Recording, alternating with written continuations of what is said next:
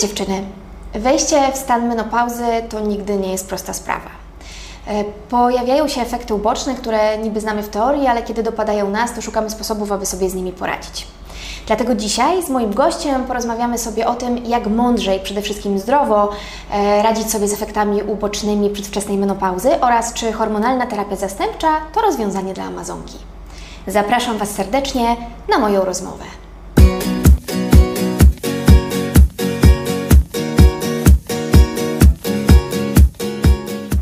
Moim dzisiejszym gościem jest doktor nauk medycznych Jakub Rzepka, pracownik Kliniki Ginekologii Onkologicznej Narodowego Instytutu Onkologii w Warszawie.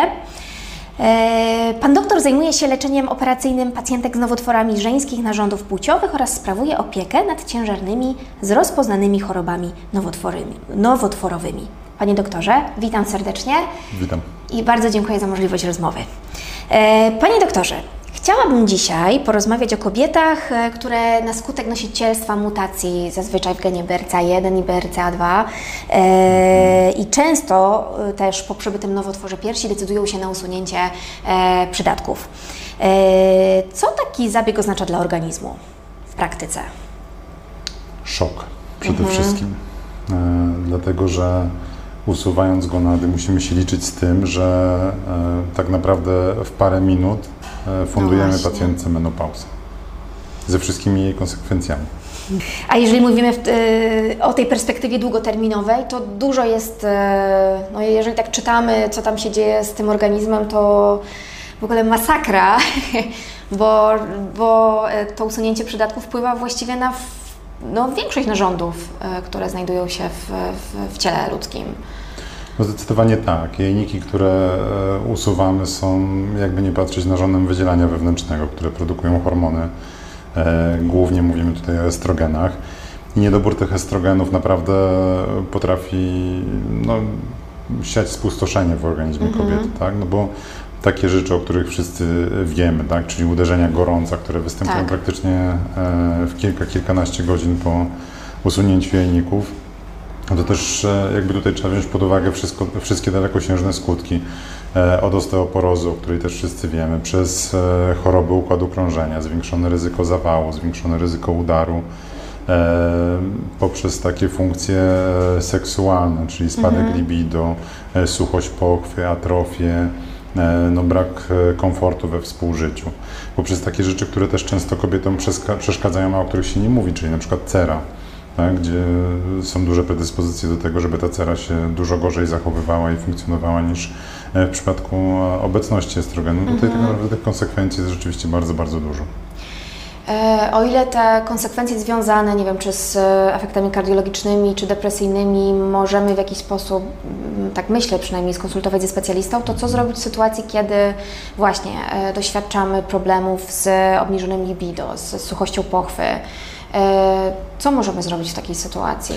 I tych możliwości mamy sporo wbrew pozorom, bo to często się e, wydaje tak, że jeżeli e, usuwamy gonady, no to właściwie pacjentka musi sobie jakoś z tym poradzić, tak? I często było tak, że onkolodzy w ogóle, No oni się zupełnie odłączali. Jeżeli mówiliśmy może hormony, to w ogóle prawie nas kijem gonili. No teraz w ogóle zdanie jest takie, że u kobiet, które mają mutację BRCA1 i 2, bo jakby o tych pacjentkach mówimy, Tak, tak. E, to tutaj wydaje się, że hormonalna terapia zastępcza jest e, terapią bezpieczną. I nawet jeżeli pacjentki są po przekorowaniu nowotworu piersi, to często są to nowotwory, właściwie w większości są to nowotwory, które nie mają receptorów ani estrogenowych, ani progesteronowych. E, I u takich pacjentek stosowanie terapii jest bezpieczne. Jeżeli się okazuje, że pomimo tego, że kobieta ma mutację BRCA, i e, w tym nowotworze pojawiły się jakieś e, receptory hormonalne, to jakby tutaj też mamy dużą pulę możliwości, tak? No bo jeżeli e, walczymy z atrofią, no to możemy zastosować estrogeny miejscowo. A przypomnijmy, co to jest atrofia jeszcze, przepraszam. Atrofia to jest, e, można powiedzieć, zaburzenie śluzówki w pochwie, tak? No bo ta śluzówka pochwy, gruczoły, wydzielania wewnętrznego, to jest wszystko, znaczy wewnętrznego, gruczoły, wydzielania takiego e, egzokrynnego, czyli w pochwie wydzielania śluzu, e, są też regulowane przez estrogeny. I możemy się wspomóc na przykład terapią miejscową.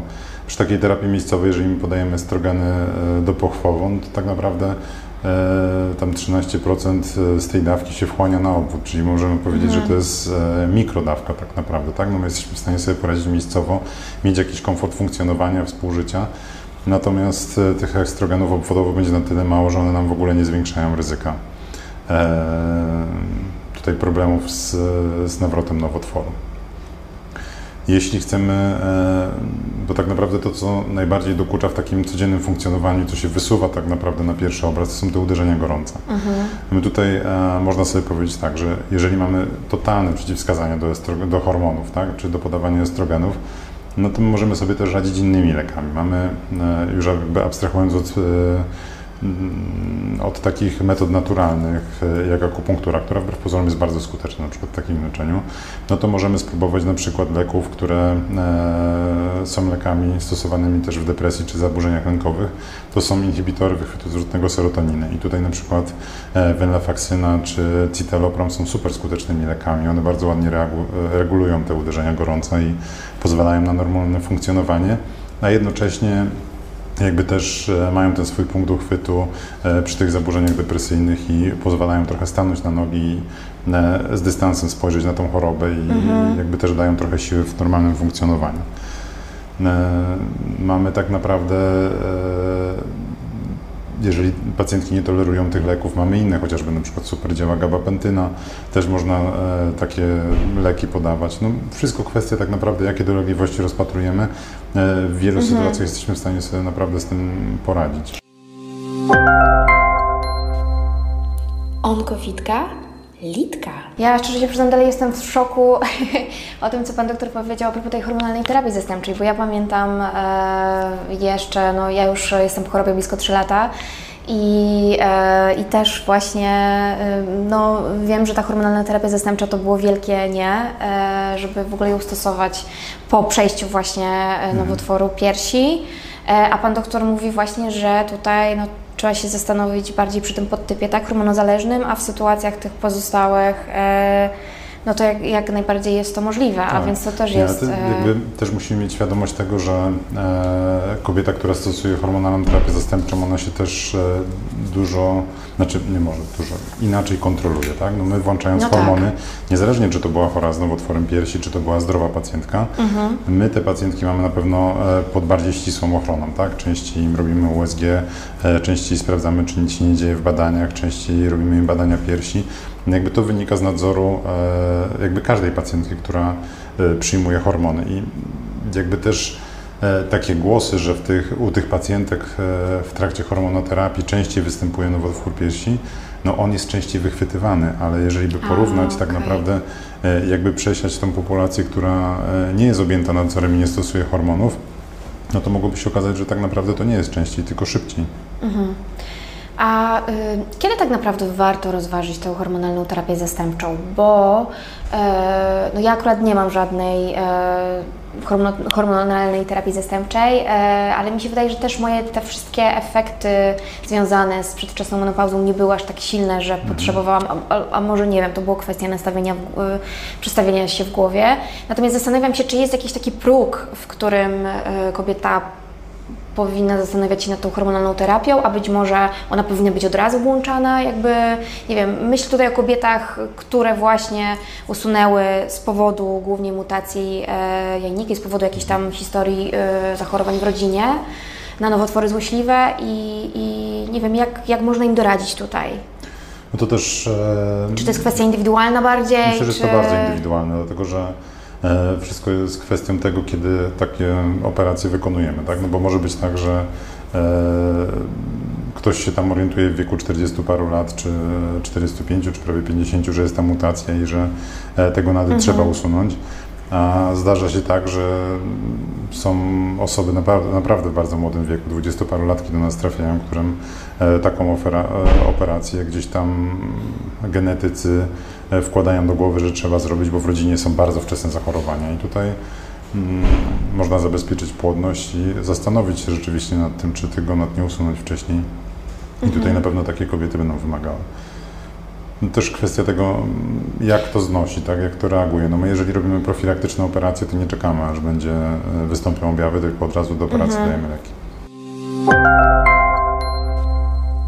Nie bądź sama, bądź dobrze poinformowana. Chciałam jeszcze na chwilkę wrócić do właśnie tej suchości pokwy, bo, bo trochę o tym powiedzieliśmy. Mm, Natomiast e, no, jeżeli właśnie nie mówimy o hormonalnej terapii zastępczej, no to pewnie mamy do wyboru jakieś różne globulki, tak, żele, ale też bardziej taką medycynę estetyczną, e, jakieś zabiegi. No tak, tutaj e, metod pomocy mamy naprawdę e, bardzo dużo i mamy dużo możliwości e, radzenia sobie z tymi problemami. No bo jeżeli mamy, albo ktoś nie chce hormonów, tak, no bo jakby uważa, że No ryzyko dla właśnie. niego jest za duże, albo nie akceptuje takiej terapii, albo ma przeciwwskazania, no to rzeczywiście możemy mu pomóc w inny sposób, tak. Mamy e, preparaty z kwasem hialuronowym, które są preparatami nawilżającymi, tylko to też nie może być tak, że ktoś pobierze tydzień i mówi, nie, no dobra, e, starczy i zobaczymy jak będzie. Tylko tutaj mówimy o przewlekłym stosowaniu. Są I to są zabiegi- tabletki, czy to są w sensie jakieś to są do pochwały globulki. globulki? Mhm. Na pewno e, warto pamiętać o tym, jak, e, jak wygląda nasza higiena, tak? No bo tutaj e, telewizja nam wrzuca cały czas, że tysiące preparatów do higieny Mhm. No właśnie. intymnej i w ogóle trzeba to wszystko stosować, bo wtedy będzie najlepiej. Natomiast my widzimy teraz z punktu widzenia ginekologów, że każdy preparat, który będzie rozpuszczał tłuszcz, czyli taki, który e, jest żelem, mydłem czy czymkolwiek do, e, do podmywania, on będzie po prostu niszczył warstwę lipidową, która i tak już jest e, Mocno często nadwyrężona.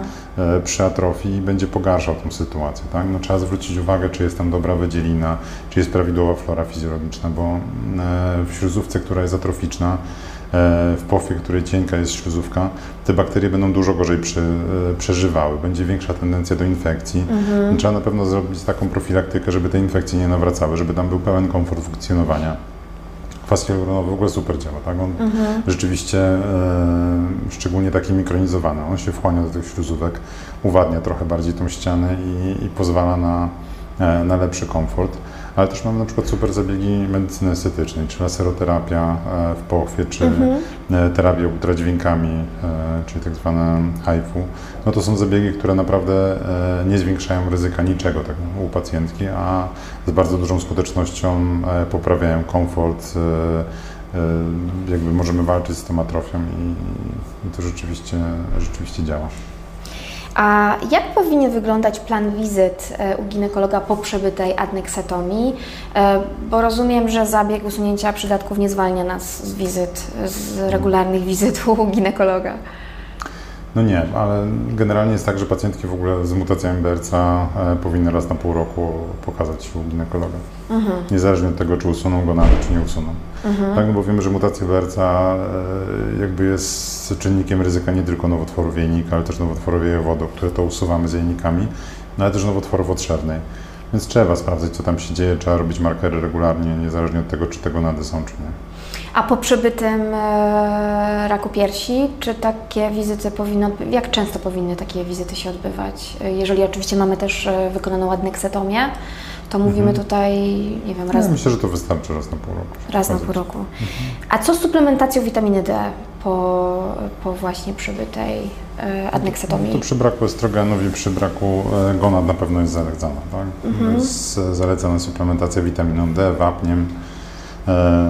To tutaj jako profilaktyka osteoporozy jest niezmiernie ważne.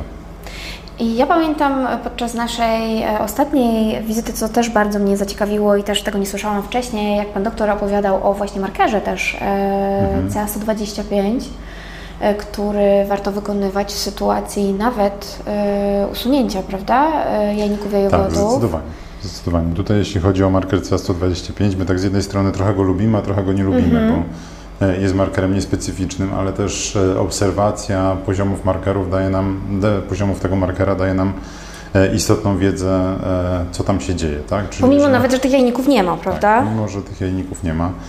E, warto sobie zapisywać te wartości i warto pamiętać o tym, że, żeby ten marker obserwować, bo jeżeli on sobie zaczyna rosnąć, e, nawet w granicach swojej normy, która jest dość szeroka, to trzeba na pewno się pokazać i, i jakby dać znać, tak? No bo nie zawsze e, lekarz e, ma wgląd do dokumentacji poprzedniej, pamięta te wyniki badań, nie każdy zapisuje to, co było wcześniej.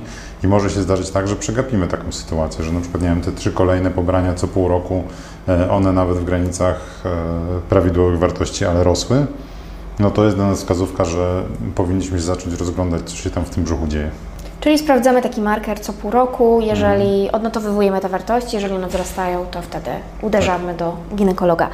E, A czy są jeszcze, Panie doktorze, jakieś inne takie objawy, które powinny nas, nie wiem, zaniepokoić e, i które powinniśmy bezzwłocznie skonsultować e, z Panem?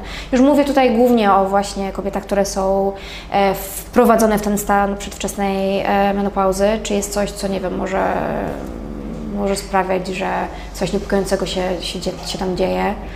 No zawsze to, co niepokoi kobiety i, i ginekologów, to są krwawienia, ale też e, warto zobaczyć, e, jakie leki e, pacjentka bierze, co tam się dzieje, e, bo krwawienia mogą być spowodowane naprawdę bardzo dużą ilością czynników i trzeba e, dokładnie to zdiagnozować, więc myślę, że jak jest rozsądny ginekolog i e, pacjentka się widzi z nim raz na pół roku, to większość rzeczy jest w stanie wyłapać, natomiast jeżeli zgłasza się kobieta, że coś tam się dzieje, to e, czy zaplami, czy zakrwawi, no to na pewno tą diagnostykę trzeba poszerzyć.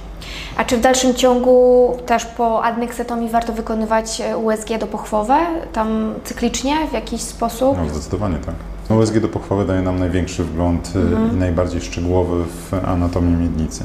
I żadne USG przezbrzuszne e, nie pokaże tak dokładnie narządów i tego, co tam się dzieje, bo tak jak rozmawialiśmy, że to e, macica powiedzmy nie jest narażona na patologię przy mutacjach BRCA, ale może się zdarzyć, że powstaną jakieś ogniska w miejscu usuniętych przydatków, że coś tam się zacznie dziać w otrzewnej, coś się zacznie dziać w Zatoce Douglasa.